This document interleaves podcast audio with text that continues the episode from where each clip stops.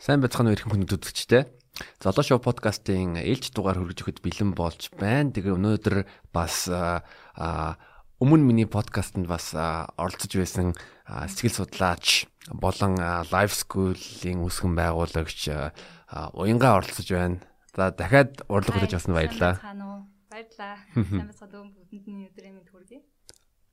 Зөв. Аа тэгээд яриагаа юугаар эхлүүлмээр нь гэвэл за бясалгал хизээ сонирхож эхэлсэн ба ягаа бясалгал сонирхож эхэлсэн. Тэгээ бясалгалын талаар манай зарим сонсогч нарт бас яриулаа. Тэрний өмнө бас зарим хүмүүс манай өмнөх дугаарыг үзээгүй байж магадгүй болохоор өөрийгөө бас нэг товчхон танилцуулчих уу. Тэгээ намайг уянга гэдэг сэтгэл зүйч мэрэгчлээ. За би ер нь бясалгал ерөнхийд нь хизээ сонирхож эхэлсэн гэвэл бакалавртаа би Туркд бакалавр төгссөн, бакалавр сурсан. Тэгээ тэр үедээ ерөнхийдөө хүнд ер нь ямар сэтгэл зүйн техникүүд хэрэгтэй байдیں۔ Тэ сэтгэл зүгээ эрүүл байлгахад ямар техникүүд хэрэгтэй байдیں۔ Тэрийг судалж явж агаад э, аль болох ер нь бол өөртөө бас нэлийн юу хайсан л та ремеди хайсан л та би өөрөө бас нэлийн стресстэй депресстэй гэсэн.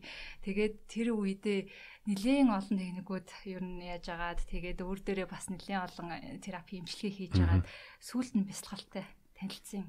Бараг бакалаврынхаа сүүлийн жил Экхарт Толлын ном байдаг шүү дээ. Power of Now гэж уншиж байна. Одоо цагийн хүчтэй. Тийм.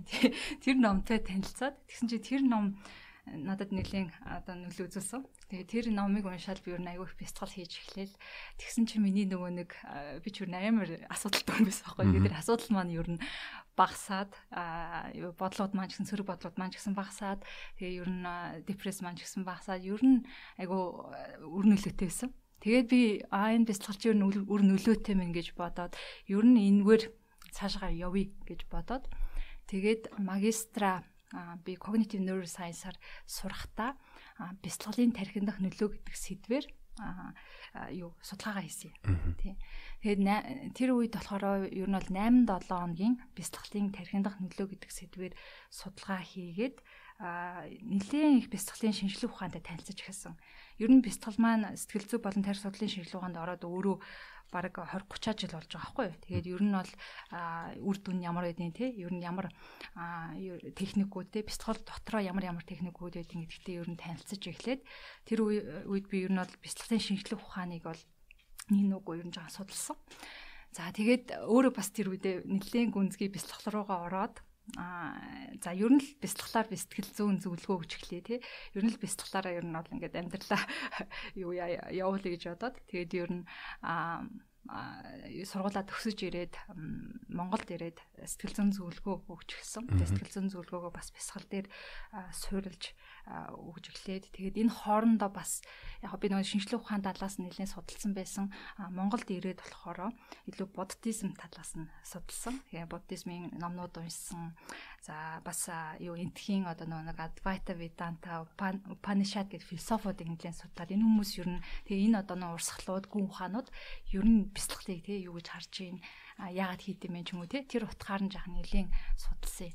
Тэгээд ингээд ер нь миний одоо замнал бол 2000 14 оноос хойш бол тэр чигээр бяцлаглалын замнал болсон. Тэгээ өөрөө ч бяцлал хийгээд хүмүүс ч бяцлал заагаад хичээлээ ч гэсэндээ бяцлал э, болгоод ер нь явж байгаа. Нэг юуны 7 жил болсон байна. Нэг Brad Pitt-ийн нэг кино байдаг шүү дээ. Нэг 7 years in Tibet. А тийм. Түүн тайлбар 7 years meditating. Тийм, ер нь бол бяцлаглалын замаар орсон.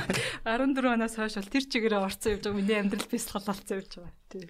Тэгэд яг бясалгал гэдэг э, одоо нэр томьёотой ч юм уус тэрнтэй дүүц хүүц түүхэн байрантууд юу хэдэн оноос юу байдаг гэдэг. Тийм. За ерөнхийдөө одоо миний зааж байгаа бясалгал шүү дээ тийм. Бясалгал өөрөө бас олон янз дотроо бүр ингээд олон янз болсон. Гэхдээ миний зааж байгаа бясалгал бол mindfulness бясалгал. Би монголоор орчуулахдаа төвлөрөх бясалгал гэж өөр нь орчуулчихад байгаа. Яг нөгөө нэг яг хизээ үүссэн бэ гэдэг тийм mindfulness бясалгал хизээ үүссэн бэ гэдэг юм бол хамгийн ихний юу нь болохоор манай эртний өмнөх юунаас гаралтай байгаа байхгүй? Манай эртний өмнөх 500 жил жилээс ерөнхийдөө гаралтай. Одоо буддагийн заасан тий. Өнөөдөр нэр юу шүү дээ. Бүхэн багш. Бүхэн багш шүү дээ. Тэгэхээр буддагийн заасан тэр сургаалаас гаралтай байхгүй юу? Тэгээд манай эртний өмнө бичигдсэн сати патанаас судар суута суута гэдэг тэр байгаа. Тэр сударт ер нь mindfulness бясалгалыг одоо гээрхтэй ашиглаж тий. Ийм ийм ийм юмнууд арга хэмжээгээр авнаа тий. Ийм ийм техникээр ер нь бол хүн өөрийгөө одоо юу гэдэг зовлон шаналлаас салганаа ч юм уу тий. Заасан байгаа байхгүй юу? За тэрнээс хойш бол ер нь тэр судраас хойш юу энэ урсгалууд тийм буддизмын урсгалууд янз янзын урсгалууд ер нь бол дэлгэрсэн. Өнөөдрийн одоо том урсгалууд энэ Махаяна буддизм байна. Зэн буддизм байна тий. А энэ ер нь бол урсгалууд бол яг тэр одоо судраас хойш ерөөдөө бол нэлийн дэлгэрээд а яг энэ mindfulness бяцлалыг бол гэгэрхтэй ашиглаж тий гэгэрхэд ерөнхийдөө одоо амьдралын хүлээсний чөлөөлөхөд ерөнхийдөө ашиглах техник гэж заасан байгаа. Тэгэд гал нь бол тэр ер нь гал нь бол тэр хизээ сэтгэл зүйн шинжилгээ ухаанд орсон бэ гэвэл одоо нэг 20 30 жилийн өмнө 90 онд ер нь бол орсон юм. 90 онд яа сэтгэл зүйн шинжилгээ ухаан өөрөө нөгөө баруунаас гаралтай. Тэгээд 90 онд болохоор юу Джон Капцен гэдэг эмч юуны Массачусетс их сургуулийн эмч. MIT. Тийм, тийм. Эмч ерөнхийдөө нөгөө нэг юу вэ штэ. Тих наадхан гэд эзэм юу вэ штэ тий. Зэм багш байна.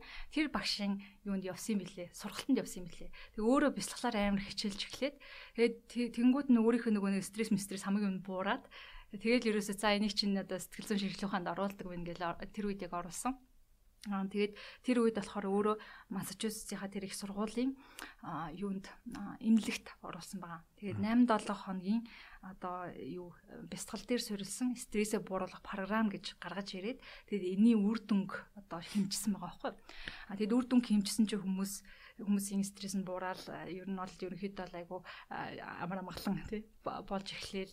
Тэгэл энэ үр дүн нөө нэг юун дээр нийтлээд medical science-ийн journal дээр нийтлээд тэгээ тэрнээс хойш бол ерөөсөө mindfulness бясалгалын тэр юунуудад бүр ирс ихсэн юу судалгаанууд тэгээ сэтгэл сэтгэл судлалын шинжилгээ ухаанд бол ерөөсөө одоо харах юм бол ерөөсөө дандаа л mindfulness гэж Google Scholar дээр харах юм бол ерөөсөө зөндөө юунууд байгаа үр дүнг нь одоо хэмжсэн. Тийм тэгээ тарих судлалд бас орсон байна. Тарих судлалд бол ер нь бол 2000 оноос хойш орсон. Тэгээд чи яг магадгүй зарим зарим судалсан байх нөгөө нэг олон жил бясалгал хийсэндээ 10 20 жил бясалгал хийсэн төвдийн лам нар дээр очиж хүртэл тархийг нь шалгасан зөндөө юунууд байгаа. Тий судалгаанууд байгаа. Тэгээд үр үр нөлөөнүүдийн тий чирийн хүмүүстэй харьцуулах юм бол ер нь ямар байна тий тархи нь хэр өөрчлөгдөж ч юм уу тий тэр ер нь судалсан судалгаанд э, дэлгэрч гисэн байгаа. Тэг өнөөдөр ч гэсэн тий хийгдэж байгаа. Өнөөдөр ерөнхийдөө бол бүр ихсэж байгаа шиг байна. Тий. Би бас өөрөө юу э, MBRTI гэдэг том яадаг үлээ. Тэрний 8 7 хоногийн курст өөрөө сууж сууж А тэр чинь нөгөө нэг юу тий? MBST гэдэг mindfulness based stress reduction therapy intensive илүү нэг тийм. Тийм минийх минийх бас тийм. Би би магистр авсан нөгөө 8 7 хоногийн гэдэг шүү дээ. Тэр нь болохоор MBCT гэдэг mindfulness based cognitive therapy гэдэг одоо юу илүү сэтгэл готрал илүү нөгөө нэг төвшөлч юм уу те тэр сэтгэл зүйн асуудалд одоо юу болгож шийдэл болгож яасан програм баггүй. Тэрний үр дүнг хэмжсэн програм баг.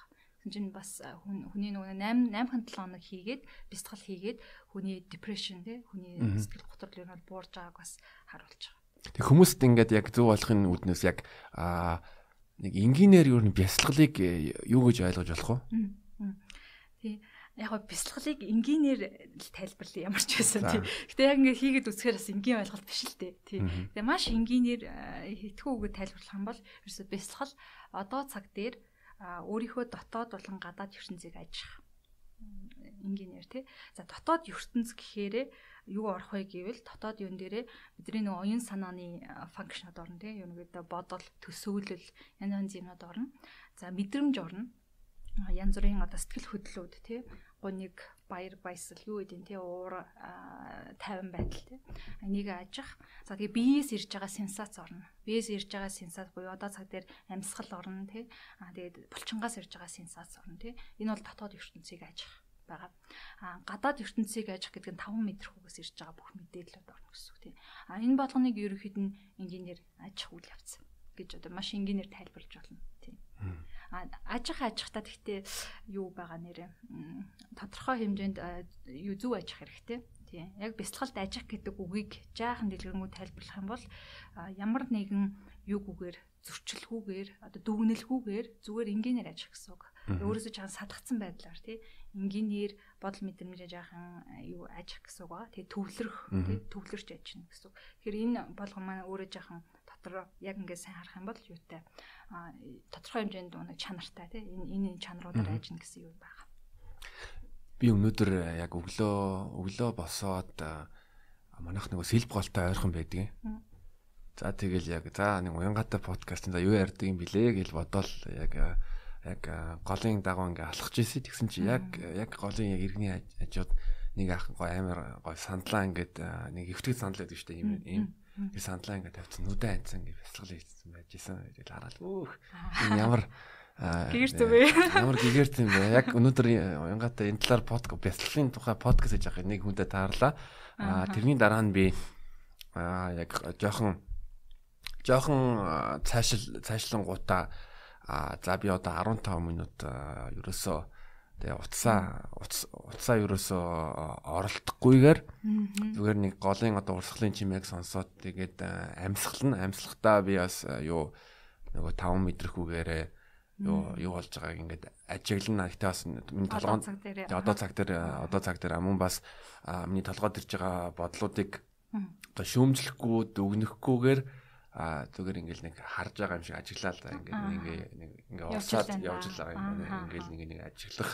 Гэтэ би өөр бас бяцлал нэг 3 4 жил хийцэлээ. Тэгэхээр арай өөр байгаа. Тэгээд тэгснийхэн дараа би бол амар тийм ёо талархалтай байсан гэж хэлмээр байна. Аа Одоо энэ би энэ сэлб голын хажууд амьдарч байгаадаа баярлж байна. Тэгээд энэ мөчт ингээд тайван аа бас юугүй өвчин зовлонгоо тарчихгүй энэ сайхан өглөөг ингээ өнгөрүүлээ гэд талархалтай бол тэгэл нэг амар гоё болчихж байгаа юм. Аа аа. Тийм. Тэгэхээр ерөөсө хэдхэн минут хийгээд ерөөдөө нөлөө үзүүлж юм гэсэн үг шүү дээ, тийм.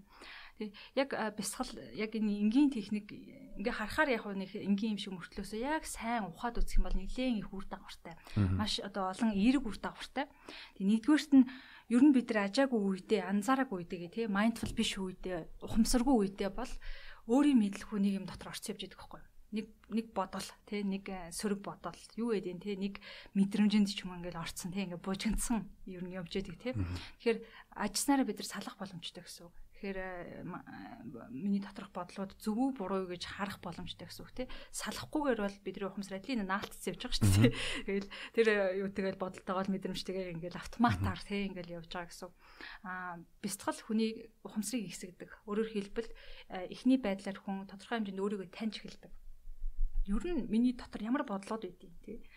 Ер нь би ямар мэдрэмжүүд мэдрээд байдیں гэдгийг таньж эхэлдэг. Тэр энэ танихад бол маш их нөлөөтэй. Ер нь өөрийгөө таньсан хүн угаасаа л бясалгал хийж таньдаг. Бясалгал хийж энэ нэг бодлуудаа тий өөрийнхөө дотор энэ болж байгаа юмудаа тань гэсэн үг тий. Аа тэгээд танаад ирэхээр угаасаа зарим нэг алдаатай бодлол харагдан тий. Хит их өөр төр төвлөрсөн ч юм уу тий. Хит их тийм бодлууд харагдаж магадгүй. Тий эсвэл одоо мэдрэмжүүд нь ч гэсэндээ өөрт нь одоо юу гэдэг хэрэггүй янз янзын тий а ер нь сөрөг мэдрэмжүүд хит их орцсон ч юм уу тий а тэр юуг анзаарах боломжтой болдог. Тий. Нэгдүгээрт нь ажих бол өөрөө тийм ач холбогдолтой тий а хоёрдугаарт нь mindfulness бяцлал маань хүнийг ангижруулах чадвартай.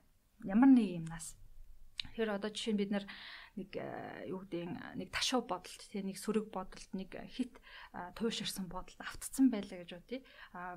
Ажаад бид нар өөрийгөө салгаж гинэ гэдэг маань салгаад бас явуулж чадж гинэ гэдэг маань ангиж ирж гинэ гэсэн үг байхгүй юу? Тийм. Тэгэхээр ингээд тодорхой хэмжээнд бодол мэдрэмжээс хүн зай аваад тий одоо юу юу ажаад ангичирч боломжтой гэсэн. Хүний дотор угаасаа бүр сэтгэл зүйн бүр амар олон давхархууд байдаг.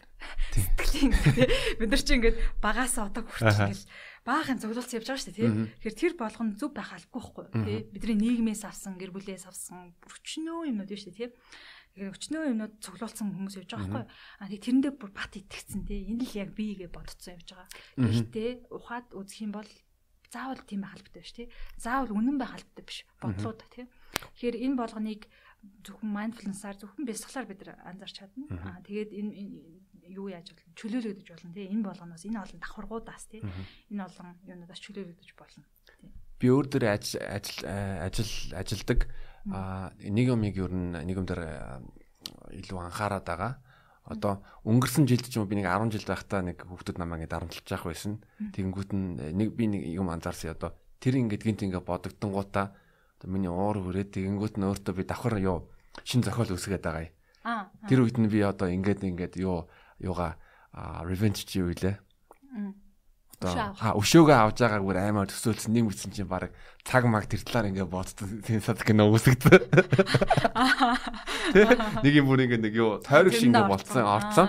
А харин харин юу сурсан бэ гэвэл за би юм юм ингээ бодож юм байна. Тэрийг ингээ ажиглаад тэгээ тэрийг а зогсон гутаа яг өөр өөр эрэг юм дээр ягаад гэвэл тэрэн дээр ингээд автаад ингээд э, хит их ингээд орчих юм бол яг тэр сүрэг юу нь мэдрэмжүүд нь сөрөг болонгуудаа бас дараачийн би хүнтэй уулзах хүн дээр нөлөөлөлөд эхэлж байгаа байхгүй тэр тэр тэр одоо сөрөг энерги нь Тийм байх. Тийм тийм.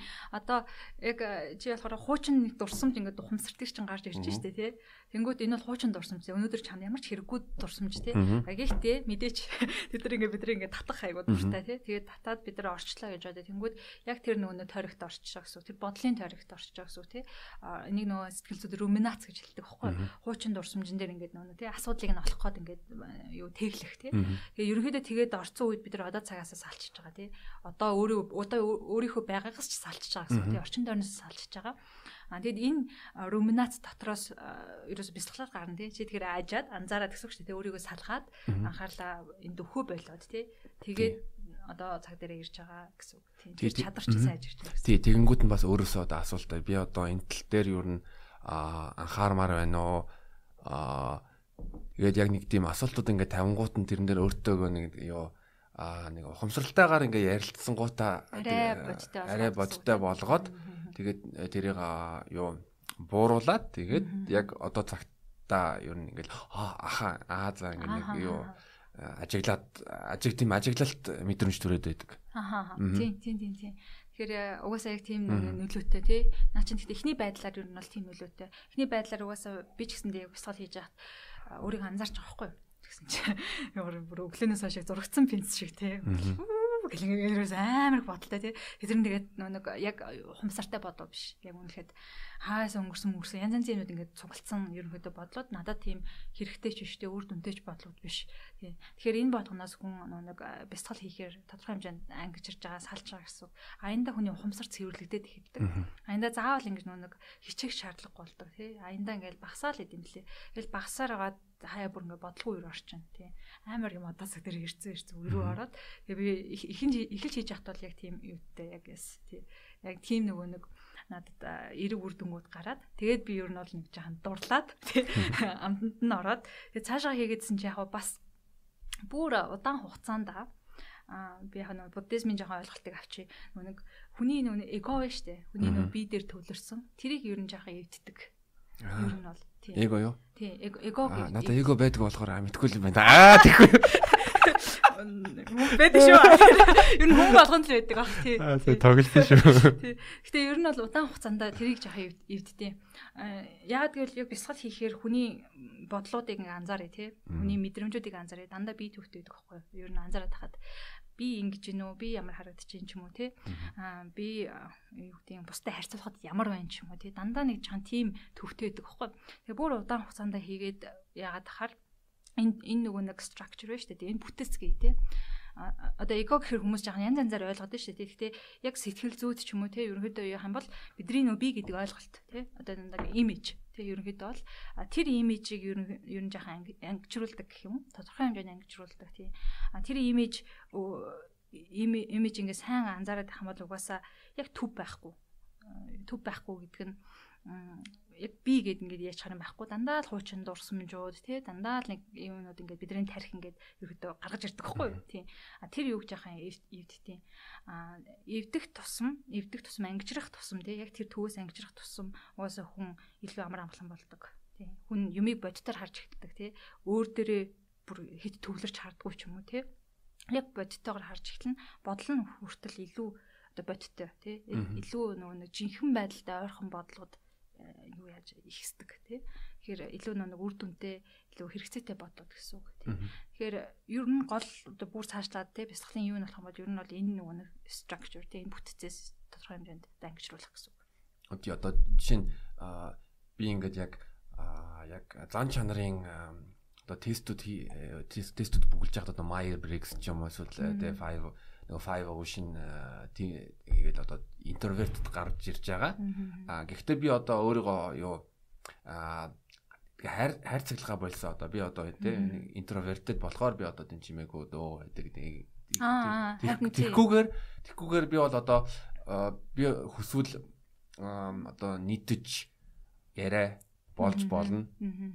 Тэгээд би өөрийгөө заавал би ийм болохоор ийм гэж юусэн хайрцагтуудаа хайрцагнасаа гарсан нэг нэг аяган дотор байгаа ус шиг ингээл тэгээ өөр нь би одоо жилийн аягаар юу ийм хэлбэртэй болно тэгвэл нь ундааны саврын нэгүүд нь тийм хэлбэртэй болно тэгэл за би юу ямар ч байсан би бол байна. Гэхдээ би өөрийгөө одоо ийм ийм заавал ийм гэж яахгүй гэсэн зурхгүй гэсэн үг тий. Тий яг тий. Ерөнхийдөө бол бид нар нөгөө нэг юу гэдэг би гэдэг юм дээрээ зарим хүмүүсийн одоо ингээд би анзаараад зөвлөгөө гэж одоо анзаараад тахад юутай гутралтай ч юм уу те эсвэл одоо амар юм anxiety-тэй хүмүүсийн нэг энэ өөрийгөө харах юм амар сөрөг өгдөг хгүй дандаа л нөгөө өөрийгөө сөргөөр хардаг тий дандаа нөгөө хангалтгүй ч юм уу тий дандаа шүүмжилсэн байдлаар ингээд янз янзаар харцсан. Тэр нөгөө нэг юу амар юм гүн орцсон тий тэр нөгөө нэг юу бүтцэн тий? Өөрийнх нь би гэдэг юунд бүтцэн гүн орцсон. Тэгээд тэнээсээ болоод аюу шаналдаг байхгүй тий. Юм болгон дээр л ер нь тэрэн дээрээ амар шаналдаг тий? Би угаасаа ийм гэл ингээд амар яатсан. Тэгэхээр тэр энэ нөгөө нэг амар гаццсан тий? Юм хайрцагалцсан юм юунаас ерөнхийдөө бяцлал гаргадаг гэсэн үг хүнийг. Энэ хайрцагалцсан юунаас гаргаад илүү урссан илүү чөлөөтэй болгодог гэсэн үг тий? Хүүхдэд ер нь бол би гэсэн юу байдгүй. Хүүхд бол айгүй чөлөөтэй тий хүүхдэд ямар нэгэн юм хамгаалъя ч гэсэн юм байдгүй тий би одоо яг энэ үзэл бодолд яг тий үнэн ч үнэн ч гэсэн ч юм байдгүй тий хүүхэд бол ер нь цаанаас байглаасаа натурал нь тий тэр тэр хүүхд аяндаа нөгөө икон үүсдэг байхгүй юу? Аяндаа нөгөө би гэдэг ойлголт нь ер нь нийгэм өгдөгтөө. Тий. Нийгэм аав ээж нар өгөөл ингээл үүсгэж ёстой л дагуу нь л эго үүсэх ёстой. Ингээл нийгэм юм үүсээл за ийм хүн бай, ийм хүн бай гэл ингээд янз янзын өөр ер нь бидний энэ нөгөө нэг юу өсчдэг тий. Одоо жишээ нь депресстэй гутралтай хүмүүс бол өөрийгөө харж байгаа юунууд нь дандаа юм нэг шүмжлэл тэ яасан маасан тийм юмуд авсаар хагаад өөрийнхөө нөгөө нэг үүсгэсэн бие нь амар сүрэг болцсон ч юм уу те. Ийм ер нь юу гэсэн үг те бүтэц гэсэн үг тий аа тэгээд энийг хүн тодорхой хэмжээнд дараа нь эвдэх хэвээр яагаад вэ? Яагаад эвдэх хэвээр гэвэл энэ дараа нь бид нарт айгүй саад болдог байхгүй юу юмыг харж байгаа өнцөг тий альва юмыг харж байгаа өнцөг чинь өөрийгөө харж байгаа өнцөгт ч юм уу тий дандаа юмыг айцаар хардаг ч юм уу тий намайг яаж бол юм болоо их болов гэж байгаа тийм болгочдөг талтай. А эсвэл одоо нэг үзэл бодолтой ч юм уу те нэг одоо ихтгэл өнөштэй ингээд амар зуурдаг бол болгочдөг ч юм уу те. Тэгэхээр энэ бол биднийг аз жаргалтай амьдрахад юу гэдэг амжилттай амьдрах гэсэн яг үнэхээр тийм амар хэрэгцээд биш байхгүй те. Заавал хүн ингээл хамаг эмигийн юуныхаа юунаас хараад ах шаардлагагүй үг те. Илүү энийг энэс гарах тусам харин ч хүн илүү аз жаргалтай амжилттай амьдрна те. Илүү нөгөө нэг юмыг бодтоор харна. Заавал өөр дөр тусгаж авахаас илүү бодтоор юмыг харж эхэлнэ. А энэ болгонд ер нь бол одоо бяцлал аяг өнөөлөтэй гэж Аа сүүлийн үед чинь яг энэ цар тахалтай холбоотой эрүүл мэндэд анхаарал тавиа тэгээ дархлаажуулалт аа гээд байгаа. Аа яг хүмүүс бас энэ дээр бас илүү анхаарж байгаа. Гэхдээ би чамтай бас яг сэтгэл зүйн mental health аа тэр тэрийг яаж арчлах вэ? Одоо коронагийн ачаар ч юм уу монголчууд ингээд гараа угаадаг болчлоо гэл нэг л хүмүүс ингэ хүм болгон хариуцах байсан ингэ гараа ингэж мэгэл болцсон. Тэр нь тэр нь сайн зүйл гэж үзэж болно. А гэхдээ яг өөрийнхөө тэр сэтгэл зүй сэтгэл дээр бас тийм ариутгах ёстой гэж би бодож байгаа. Ягаад гэвэл ингээл сошиал медиар Facebook руу ингээ оронгууд нь тэгээ нэг ингээд нэг хүн ингээд хорт автраар ингээд үдчихлөө тэгээ хандив яалаа нэг олны танил ихнэр ихнэр нөхөр хоёрыг муудалцлаа тэгээ буцаа сайнлаа нэг улс төрчийн сенсац нь гарлаа тэдэн мөнгө идлээ мэдлээ ингээл баахан гэ сүрэг мэдээнүүд байдаг. А хүн чин юу а одоо ирч хүч юу байдаг лимиттэй байдаг. Одоо бүх юмд ингээд зарцуул цагаа зарцуулж болдгоо. Аа тэгэхээр яг энэ бясалгалын ач ачаар бясалгал хийгээд хүн яаж одоо энэ сүрэг одоо одоо хэрэггүй би бол ингээд хэрэггүй энэ мэдээллүүдээс яаж ангижрах болох вэ? Тийм боломжтой. Тийм. Яг боломжтой гэдг нь бид нар нэг өөрийн мэдлгүй ер нь бидний эргэн тойронд биднийг одоо татах тий анхаарлыг татах айгүй олон юмнууд байдаг тий олон мэдээллүүд олон юунууд байгаа тий хүн хаашаа анхаарлаа өгөн тийшээ л орно. Ер нь анхаарал хаашаа явна хүний сэтгэл зүйд тийш явна гэсэн үг тий Тэгэхээр өдөр тутамд бид нэр ингээ харах юм бол өчнөө олон мэдээлүүд бидэнд ирж байгаа тий хүн өөрөө тэрийг ухамсарлахгүйгээр явах юм бол ерөөсө хаана л хүний анхаарлыг татсан юм бэ? Тийшээ урцаал явчихна гэсэн үг. Өнөөдөр бид нар яг тэрийгээ нөө нэг яах вэ тий анзаарах юуг чадлагүй байвал тий эсвэл одоо mindful биш байвал хаана л анхаарал татсан юм бэ? Тийшээ л бид нар явна тий. Тэгэхээр ялангуяа өнөөдөр ингээ харахаар Facebook бид нараа чи сая хэлж чинь энэ мэдээллүүд эдэр тий дандаа л хүний анхаарлыг татахын тулд тий хүнд ингэж амар юу өхийн тулд реакц үүсгэхийн тулд гарч ирж байгаа байхгүй юу? Энэ ихэнх сөрөг мэдээллүүд хүний нэг юуны тэр нэг сөрөг мэдрэмж биш үү тэрийг ингэж реакц гаргаж ирдэг. Тий. Хаяа тэгээ бид нэр тийм мэдрэмж рүү орчоод тэгээд ерөнхийдөө татагтаал яваад идэх тий. Тэгээд ингээл заавал үзэх ёстой юм шиг ингээл ингээл ерөөсөө тэр ерөөл ороод ингээл уурлаал тий. Тэрэндээ ингээд орцсон хүмүүс биш тий. Яг нэг тэр нөө юун зуршил болцсон тий. Тэр мэдээг үзээл тэгэнгүүтээ Монгол болохоо ачиж гээл тий. Тэгэл дандаа нэг тийм яг л нэг тийм давтамжтай нэг юм руу орцсон хүмүүс бас байна тий. Одоо ерөнхийлөгчийн сонгуул болж байгаа тэгэнгүүт нь нөгөө нөгөө нэг юу PR-ийн машин, маркетингийн машин явуулсан байгаа. Энэ энэ үнийг дэмжих юм дэмжээрээ монголчуудаа ингээд ингээд талцалж яваад байгаа. Аа тэгээ тэрэн дээр нэг хүмүүс сэтгэл хөдлөлөөрөө одоо шеэрлэл би биентэйгээ ингээ хэрэлдээл мууд муудалцаал одоо бас нэг тод жишээ гэвэл юм манай Улаанбаатарт чинь төгжрээ их байдаг. Тэгэд ингээ төгжрээнд бүх машинууд зогсож байхад ингээ зарим жолооч нар бүр ингээл сигнал таал байдаг. Бүх машинууд одоо тэг зогсолттой байдаг хөдөлгөхгүй байна. Тэгэнгүүт нь ингээл урдаас нэг юугаар ингээл ингээл сигнал таал байдаг. Тэгэл юу гайхал. Амар өрөвдөлттэй юм бэ. Тийм. Тийм угаасаа энэ нэг яг хүмүүсийг тэр юу гэн те реакцэн гаргах айгүй олон юмнууд явуулж штэ те. Саяны хэлж байгаа ерөнхийлөгч сонгуул гэдэг ингээд бас нэг анхаарал татах юмуд гарч ирэл. Ер нь бол анхаарал татах юмуд дуусахгүй угаасаа. Нэг сенсац дууссны дараа дахиад нэг сенсац гарч ирдэг байхгүй юу? Угаасаа тэр нь одоо хүмүүсийн те тэр нэг олон хүмүүсийн сэтгхүүх тэр нь тийшээ анхаарлыг яаж те яах юу нэг гэсэн үг. Ер нь бол тактикууд гэсэн үг те. А гэхдээ юу энэ болгонд анхаарал хүн өгөөд ах юм бол өөрийнхөө амьдралыг алдчих байгаа байхгүй юу. Яг үнэхээр бодиттой шийдэл гарахгүй эндээс бид нар ингээд реакцлаа гэд яах юм? Тий уурлаа гэд яах юм? Яг үнэхээр яг цэвэр шийдэр гаргаж гаргах юм тий яг бодиттой алхам хийхгүй гэсэн үг тий. Нэгдүгээрт нь зүгээр реакцлаад энэ тий. Хоёрдугаарт нь бид нар цагаа алдчихна ингээд юунд ороод баах юм хийгээл тий цагаа алдчих байгаа шүү дээ тий. Ингээд анхаал махад тийш явах хүмүүстэй хэлдэг нэг өөр өөр юмд анхаалаа хандах байсан юу нь яаж юм гэсэн үг тий. Тэгэхээр энэ болгон болгон руу орж байгаа хүн эхлээд анзаарах хэрэгтэй тий. Эхлээд нэгдүгээрт нь анзаарах хэрэгтэй. А энэ аппликейшн энэ мэдээллийн юмнууд бидрийг нэг их сайхандаач биш тий. Сайхан мэдээ цогцолыг гэдэгтэй ч биш тий. Сайхан юм үгээ гэдэгтэй ч үнц нь үгээ гэдэгтэй ч дандаа төр зургийн анхаарал авах нь гэдэг хэвгүй дандаа л нэг хүний юг тий хүний реакц гаргах зоригтой бараг тий тиймүүд. Тэгэхээр энийг эхлээд анзаарах хэрэгтэй. Аа тэгээд хоёрт нь мэдээж mindfulness тий илүү хүн өөрийнхөө энэ нэг хаашаа чиглээд байна. Анхаарал нь хаашаа чиглээд байна гэдгийг анзаарах юм бол илүү анхаарлаас өөр зүг рүү чиглүүлэх хүчээ яадаг тий авдаг. Mindful ах юм бол гэсэн. Одоо өөрөөр хэлбэл юу ямар ч юуг а жолоогүй юм уншингуудаа биш харин тийм мэдэн уншингуудаа. За би одоо яг юу уншиж байна. Би одоо юу мэдэрж ийн ингээд энэ юу юмэр ингээ асуулт асууж байгаа бол түн тэгэл а би одоо энд байна штэ а би энэ сууж ингээ уншиж ингээл мэдээд авчихна. А давхар би нэг эдийн засгийн юу а нэг том яв байдаг. Тэрний юу гэвэл opportunity cost. А та нэг энэ мөчөд бол нэг юмд л анхаарч болно. Тэгээ ойлоо одоо ингээ подкаст хийж байна. Гэхдээ подкаст хийхин оронд жишээ нь найзуудтайгаа уулзаад кофе уугаад тэгчж болно. Тэгэхээр хүн одоо ингээд Facebook дээр хүнтэй хэрэлдэж байгаа оронд одоо тэг хүүхдтэй хүүхдтэйгээ цог тоглоод ч юм уу хүүхдтэй үлгэр үлгэр үлгэр үлгэр уншаад гоё жаргалтай байж болно. Тий, эсвэл одоо нарлуу хараад баясах ч юм уу тий. Ийм юмудаа бид нар алдчихж байгаа гэсэн үг байхгүй юу? Яг тий, наа чи мөр а яг үнэн.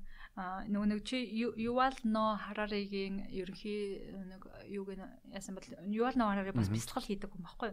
Тэгээд ер нь бол одоогийн нөгөө нэг хүмүүсийг дайчлах тий хүмүүсийг ингэж яах юу бол ерөөсөө медиа одоо хүмүүс ингэж яах тий а бидний биолог ашиглаад бидний одоо биолог сэтгэл зүйн яаж ажигладаг ашиглаад энэ Facebook энэ амар мэдээлэл юмнууд бүгд явж байгаа байхгүй юу? Ер нь бол.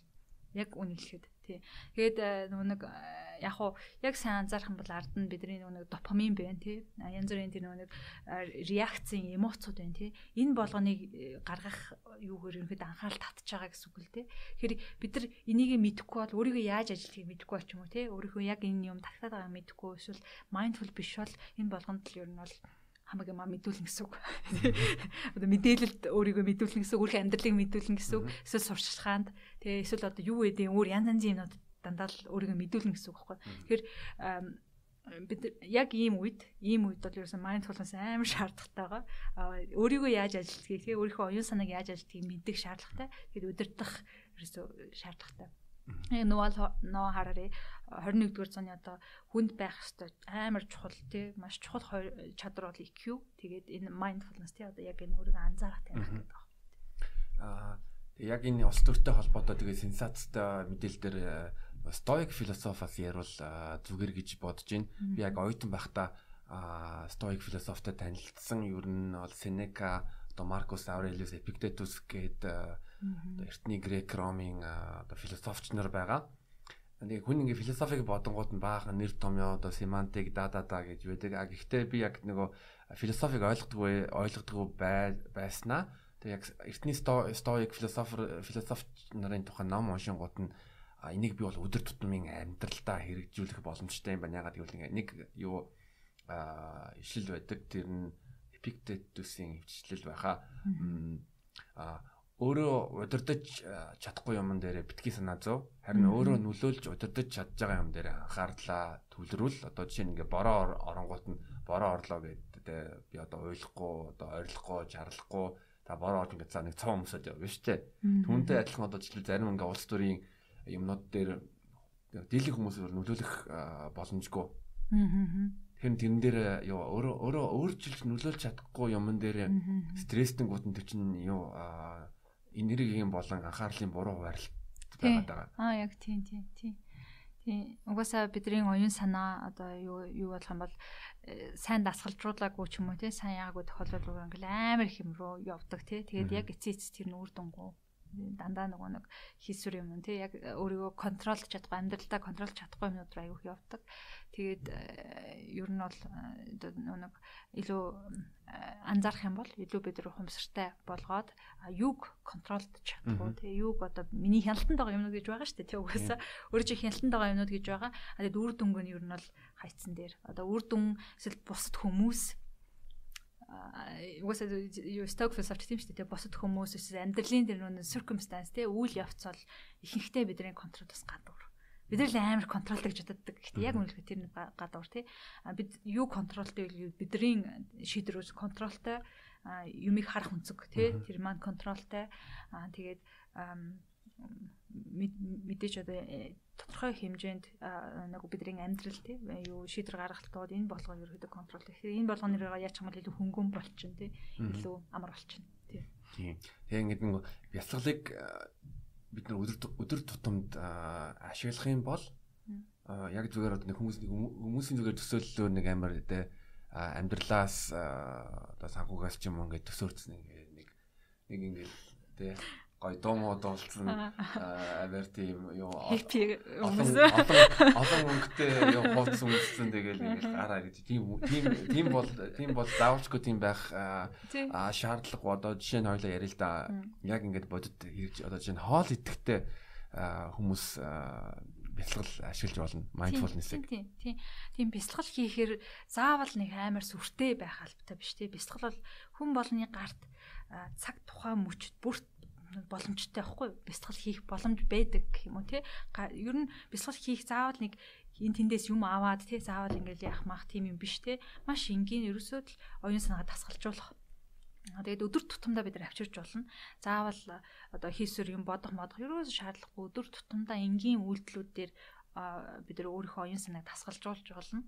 Тэгээ чи сая хийсэн хоол идэхдээ дасгалжуулж болно. Юм идэхдээ юм уухтаа дасгалжуулж болно. За бид нар бол өнөөдөр хараад тахад юм идэх уух бол тий. За тэр тэрэн дээр анхаарал төвлөрүүлэх мөвлөрүүлэх байхгүй штэ. А ихэнхдээ хаа нэг газар нэг бол ирээдүйд нэг бол тий өнгөрсөнд нэг бол нэг өөр юм унших мунших тий янз бүрийн мэдээлэл зэтэл уншиж байгаа телевиз мэлээд үзэж байгаа үедээ хоолой иддэг тий. А энэ бол одоо цаг дээр байхгүй байна гэсэн үг. Төвлөрөхгүй байна гэсэн үг. Тэрнээс ч кайф авахгүй байна гэсэн үг. Тэгэхээр mindfulness-аар хичээлэх юм бол зүгээр л тэр нөгөө нэг юу mindless юмнуудаа хаяа тий ерөнхийдөө яг одоо цаг дээр юмаа идж байгаа тэр юм дээр оршоод тий бүр ороод идэж болно авсаж болно. Тэгэх юм бол нэгдүгээрт нь бидний оюун санаа одоо цаг дээр ирж байгаа үед амардаг тий. Одоо ингээл ирээд өнгөрсөн ингээл яваад байгаа шүү дээ тий. Тэр нь ингээд нөө тогтдог гэсэн үг тий. Тэр тогтолт өөрөө хүнд амар их юм амар амгалан өгдөг байхгүй а тэгэд хоёрдугаарт нь угаас идж байгаа юм амар кайфтай байна шүү дээ тий. Яг ингээд амсаж идж байгаа тий. Юм руу орж байгаа. Тэр тэр юунаас аз жаргал авна тий. Тэгэхээр маш энгийн ийм ийм юмнуудаар хүн юу яаж mindfulness mindful байж болно. Юм идэх юу шүдэ угаах юу гэдэг айг угаах тий. Зур галуу тий. Гадуур алхах. Тий би хэлсэх тий. Тэр болгон дээр хүн нэг одоо цаг дээр ирээд илүү ухамсартай болгож болно.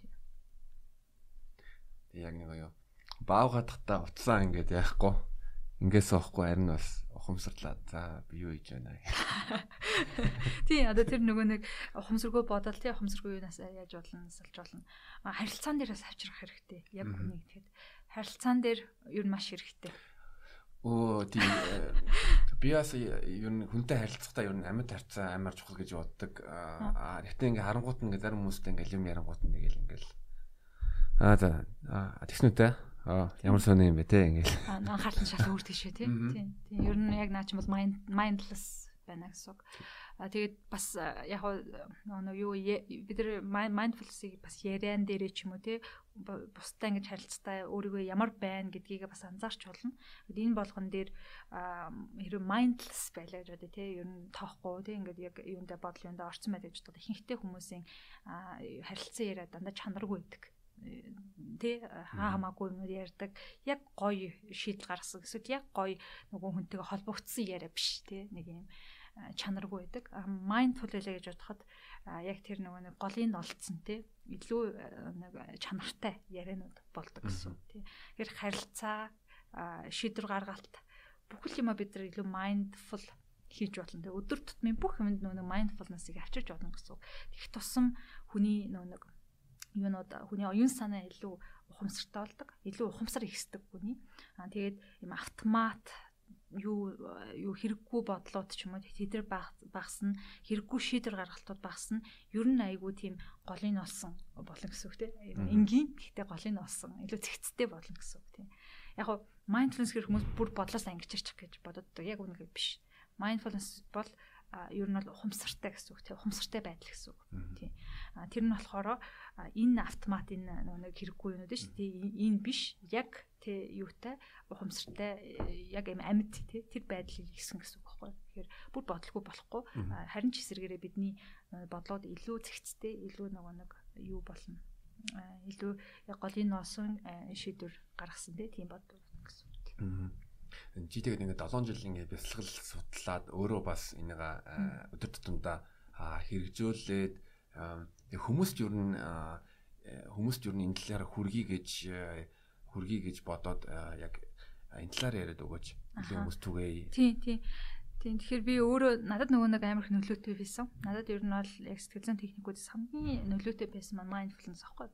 Тэгээ би яг энэ надад нөлөөтэй учраас хүмүүс нөлөөтэй гэдэг утгаараа би эхлээд ямар ч байсан юу бясалгалын курсууд амьдралын сургуулаараа хийдэг байсан. EQ EQ заадаг байсан. Бясалгалын тэрний дотроо ер нь жам бясалгал орсон EQ-ийн сургалтууд хийдэг байсан. За сэтгэл зүйн зөвлөгөө мөвлөгөө маань нь жам бясалгал дээр суурилсан. Тэгээ би 4 жил хийгээд нэлээд туршлага цуглуулад тэгээд ер нь хүмүүст өдөр тутамдаа одоо хийхэд те хаанаас ч хизэж хийж болох нь хэрэгтэй гэдэг утгаараа аппликейшн хийсэн баггүй. Тэгээд одоо болохоор Apple дээр орцсон байгаа. Gigi app гэдэг аппликейшн хийсэн. Найзтайгаа нийлээд манай баяраа гэд программистагаа бит хоёр ер нь хамтдаа хийж эхэлсэн юм. Тэгээд тэрэн дээрээ болохоор яг одоо нөгөө нэг өдөр тутамдаа энгийн mindfulness тий энэ өөрийнхөө оюун санааг mindfulness mindful байж оюун санаагаа дасгалжуулъя гэж зорж байгаа хүмүүст зориулаад нэг э, өдөртөө нэг 10 минут гаргаад ч юм уу тий тэгээд хийх боломжтой тийм заавартай хичээлүүдийг оруулсан байгаа. Аа сая сая нэг сард нэг сард ерөнхийдөө нэгдээд манай явж байгаа. Тэгээд саяхан нэлээд олон хичээлүүд орсон. Тэгээ одоо нь одоо бол ер нь бол нэг 100-аад хичээл байна. 100-аад хичээл? Ер нь бол бүгдийг нь яг яхан бол нэг 100-аад хичээл хийсэн байгаа. Тэгээ тэгээд яг бясалгал сурыг гэж бодсон хүмүүс зориулсан хичээл байна аа ер дотроо юу аппликейшн маань бас айгу төрлөөттэй олон бас ингээд бахархуу штэ хийлэг зүйл бил Монголын яг тийм бясалгалтай болон сэтгэл судлалтай холбоотой анхны аппликейшн. Тий, тий, анхны аппликейшн тий. Дэлхий дээр бол нэлээд бас олон гарцсан байгаа. Тий. хамгийн одоо юутай амжилттай явж байгаа column headspace гэдэг байна шүү дээ. Яг бясалгал заасан юмнууд байгаа. Тий. Тэгэхээр би бас Монгол хүмүүст сэтгэл зүй мэдлэг олгоё гэдэг тий. Тэгээд өөртөө сэтгэл зүйд анхаарал тавихт нь туслая гэдэг үүднээс маш энгийн өдөр тутамдаа хийж болох тийм энгийн заавартай хичээлүүдийг оруулсан байна. Миний утас Android э, тэгээд Android дээр Android хойлбарыг нь хүлээж хүлээж бай. А гэвч би YouTube дээр байгаа тэр 3 хичээлийг чинь хийсэн. Өөрөө нэг 5 минутын бясалгал. Аа тэгээ бас нөгөө юуны нүдэн амраах. Аа тэрийг бас Android утастай болон бус хүмүүс юу гигэ гигэ танаа YouTube channel-ыг яачих нь description видеоны comment хэсгээр тэгээд зүгээр яг 5 минут эсвэл 2 минут тэр нүдээ нүдний дацгалыг гэдэг тэр доомо чимээ ер нь гоё гоё ийцэн таалагдсан. Аа зөв. Тэгэхээр би бас сайжруулах гал явж л байна. Ер нь анх хийж байгаа учраас ганц хоёр юмуд байгаа. Гэхдээ ер нь бол одоо ер нь нэлээд сайжраад манай аппликейшн маань хүртэл олон төрлүүдийн юу нэг хэсгэж байгаа. Тий зөвхөн одоо бясалгал сурыг гэж байгаа хүмүүс зориулсан хэсгийг хийсэн байгаа. За ер нь сэтгэл санаагаа докторжуулъя гэдэг тий өдөр өдөр тутамд бид нарт маш олон асуудлууд тулгарч байгаа шүү дээ тий. Тэр үе болгонд бид нар тэрийг нэг яаж аргалахаа мэдэхгүйгээр ч юм уу тий цаашаага тэрийг ингээл хөндрүүлэл яваад идэг.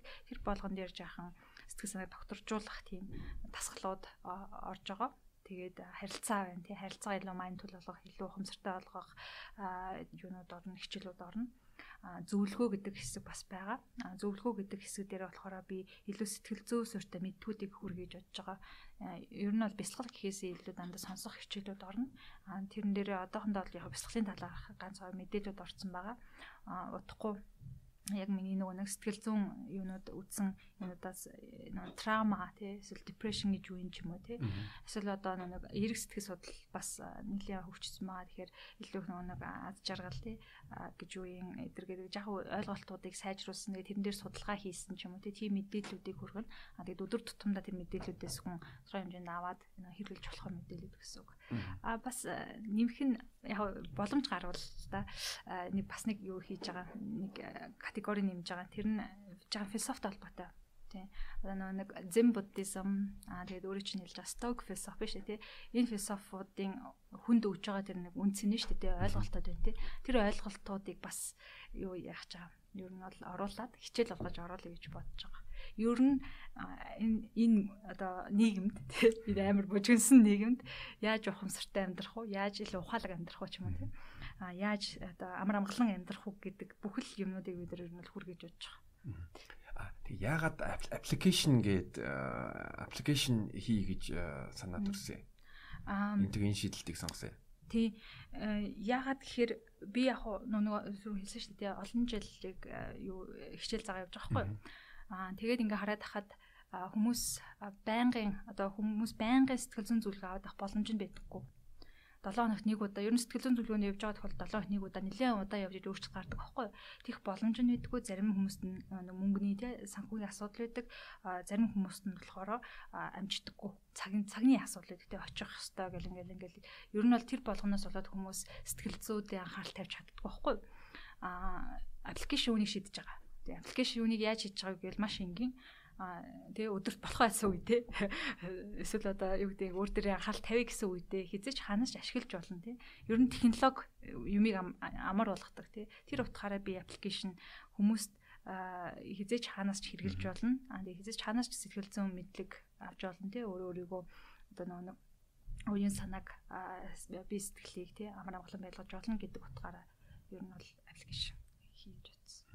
Тэгээ аппликейшн аппликейшн хийх бол маш том ажил.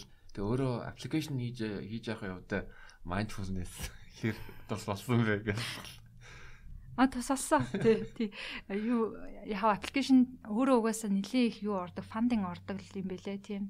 Эхний удаадаа бол би ерөөсө фандинг эднэр гэдгээрээ биш. Ер нь их амар бүр бизнес гэж харахаасаа илүү ямар ч байсан би яг зорсон зорилготой хүрчээ гэж утсан. Тий. Яг энэ нөгөө нэг бараг л mindfulness application хий гэдэг зорилго маань надад бараг 4 5 жил явсан шүү. Тий. Тэгэхээр тэрэндээ ямар ч байсан хүрчээ. Тий. Тэрэндээ хүрээд Монгол хүмүүстэй ямар ч гэсэн сэтгэл зүйн мэдээллийг ханаас ч бол ханаас тий авч болохоор тийм юу боломжийг нээчээ гэж бодоод хийж байгаа. Тий. Тэгээд одоо дараа дараагийн асуудлууд угаасаа яригдчихэж байна. Тэр болгонд шийдвэр гаргах шаардлагатай болно. Бизнесийг болгоод сайн явах уу тий. Аа тэгээд олон одоо бас сэтгэл зүйчэд оруулах талаар бодож байгаа. Тэгээ илүү бас одоо болохоор би зөвхөн контент үйлдвэрлэж байгаа. Гэхдээ илүү олон хүмүүсийн юу байх юм бол илүү сайн тий. Тэгэхээр энэ болгон дээр ер нь бол одоо шийдвэр гаргалтууд дээр баг багаар жахан стресстэй байгаа. Тий. Гэхдээ энэ болгон яачих юм бол ер нь нэг олон хүмүүст хүрэх байх гэж бодож байна. Зөв. Android дилээ хөлбөр нийтлээ гарна гэж бодож байна. Одоо 7 сард. 7 сард. Яг 7 сард гарна тийм. Android маань хийгдэж байгаа нэг программист өгсөн хийгдэж байгаа. Тэгэхээр 7 сард ер нь бол хүмүүст нэлээд болно. А 9 сараас ер нь манай аппликейшн нэлийн юу төрхөнд орцсон байх бах. Бизнес төрхөнд ороод тий одоо яг юу ямар үнц нөхөх гээд байгаа юм тий тэр болгоныгоо яг ер нь бол бүрдүүлсэн байгаа гэж. Зөв. Тэгээ манай бас сонсогч iPhone iPhone-тэй сонсогч нар бас татараа тад аваад үз аваад үзээрэй. Аа бас танаа ёо Facebook дээр байгаа бичиж байгаа нийтлүүд чинь надад маш их таалагддаг. Би ер нь нэг тийм жоохон сенсац ч юм уу сүрэг тийм тийм мэдээлэлээс ангижрахыг хүсдэг. А тэрний оронд одоо тэг уран мөгөх ч юм уу эсвэл тийм одоо талархах тийм одоо пэйжүүдийг унших юм тийм юм унших ер нь дуртай. Аа Тийм тийм тийм. Манай Facebook дээр пэйж маань нэгдсэн байгаа явж байгаа. Тийм тэр болгон дээр бас ерөнхийдөө хүмүүс нэг хэрэгтэй тий илүү mindful байхад нь туссан тийм анхаарал өгсөн юу өгсөн reminder өгсөн юунууд постууд их оруулж байгаа одоохондоо тий яг удахгүй бас илүү зөвлөгөө маягийн сэтгэл зүй талаас илүү зөвлөгөө маягийн видео контентууд дээр гээд нэлээд олон юм бас төлөвлөсөн технологийн хөгжлийн хөгжлийн ачаар бас одоо яг чиний хэлж байгаа шиг сэтгэл зүйн аппликейшнууд аа мөн бас зарим эмчнэрчин юу зайгаар юутайгаа үйлчлэгч юм эсвэл өвчтөнгүүдтэйгээ ингээ уулзаж байгаа. Тэгээд ийм болохоор ирээдүйд энэ ингээ улам хөгжид улам илүү хүн бүрт төхөн болох төхөн болох баха. Тийм тийм тийм. Уусаа технологиг бид нар зөв ашиглаж болно, буруу ашиглаж болно тий. Тэгэхээр зөв талаас нь харах юм бол технологи бид нар маш олон юунуудыг, эрэг юунуудыг авчирж байгаа. Аа юу бидний хувьд тий, бидний хувьд ч гэсэндээ яг үнэхээр сэтгэл зүйчдийн хувьд бол хаанал хаанаас зөвлөгөө өгч болж шít. Одоо тий надаас гадаадд байгаа айгу олон залуучууд зөвлөгөө авч байгаа, Монгол залуучууд ер нь зөвлөгөө авч байгаа. Энэ боломжийг нээж байна. Тий. Тэгээд Тийм ирээдүйд ер нь нэлийн одоо технологи суурьтай mental health сэтгэл зүйн эрүүл мэндэд анхаарал тавьсан маш олон юмнууд гарах шинжтэй. Маш олон аппликейшн програмууд ер нь гарах шинжтэй.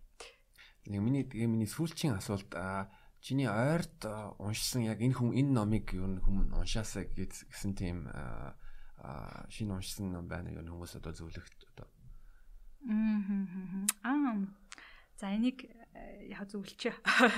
Юу бас л бясалгалтай холбоотой л да. Би бас нэг аппликейшн хийгээд бясалгалын контент яаж болохоор өөрөө бүр бясалгал руугаа бүр гүн орцсон. Тэгээд бүх юмзын судаа явж байгаа. Тэгэхээр no self no problem гэдэг ном сэтгэл зүйн ном. А тэгэхээр ер нь буддизмын юунаас яасан. Тэгээд ийм юу яг сэтгэл зүйчийн нэрийг нь марчиж юм одоо уншиж байгаа ном бол no self no problem. Тий no self no problem тий.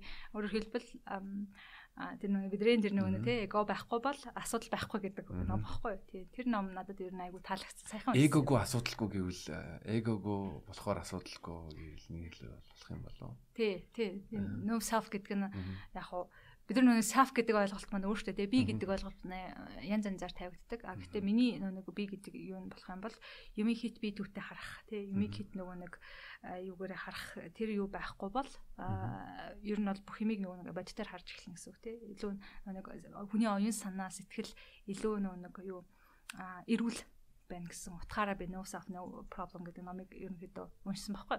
Тэр тэр юун дээр ч гэсэн яг тийм утгаар нь тайлбарлсан байгаа тийм. Тэр ном нь ер нь надад нэлээд таалагдсан. Тийм. За тэр номыг санал болгоё. Аа тэгээд аа бас бас нэг өнөөдөр нүг уусаа бурхан багшийн дүүцүүдэр юм чинь тий. Бас нэг номыг би сая фэйсбүүкээс харсан. Өмнө бас би уншижсэн надад айгу таалагдсан. Аа нөгөө нэг юу Херман Хессен Сидатра гэдэг ном байдаг шүү дээ. Тэр ном бас айгу сонирхолтой ном. Надад бол би би баг бакалаврт уншижсэн. Тэгээ надад юм амар гоё юу э, сэтгэл төрүүлж ирсэн аахгүй. Тэгээ сая яс чи монголоор зорчуулаад гарсан мөлий. Хин эрдэмтийн юу эмхтэй гаргаж илээ тэрийг. Тэгээд орчуулад гаргацсан айгу сонирхолтой ном. Оо за бид нар номыг ч бас тэгээд no cell no problem бас уншихыг бодноо. Би Херман Исагийн талын чоныг уншиж байсан. Тэгээ өөр номнуудыг уншааг баха. Тийм зэр номер аягүй сонирхолтой. Яг нөгөө нэг жам буддагийн юу орцсон, зам замлал орцсон тийм. Тэгээд ийм амар юу Уусаа нөгөө Hermes Hesse тэр нөгөө бичиж байгаа юу айгуу гоё. Урсгал нь айгуу гоё. Надад бол айгуу гоё мэдрэмж төрүүлсэн. Зүг зүг. А за тэгээд уянгадаа бас цаг гаргаад дахин подкастт оролцсонд маш их баярлалаа. Тэгээ бас манай сэтгэл судлаач маань сэтгэл гаргаад гигэ гэдэг аппликейшн гаргасан гаргасан байна. Тэгээ маа та бүхэн бас сонирхоод үзээрэй э, гэж э, зөвлөе. Уянга төгсгөлдөөс э, надад болон үзэгчд маань ер нь юу хэлмээр байна тэрийг хэлж болно шүү. Чам ч гэсэндээ өрсөнд баярлалаа. Намайг одоо хоёр удаа өрж байна. Тийм.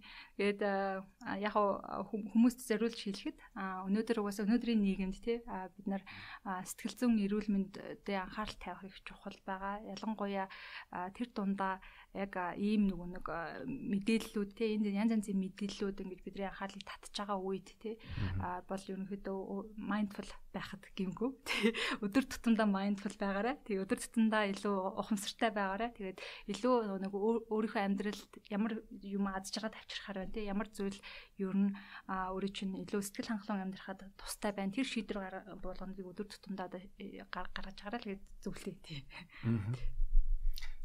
За энэ дугаард уянга маань оролцлоо. Баярлалаа. За за баяртай.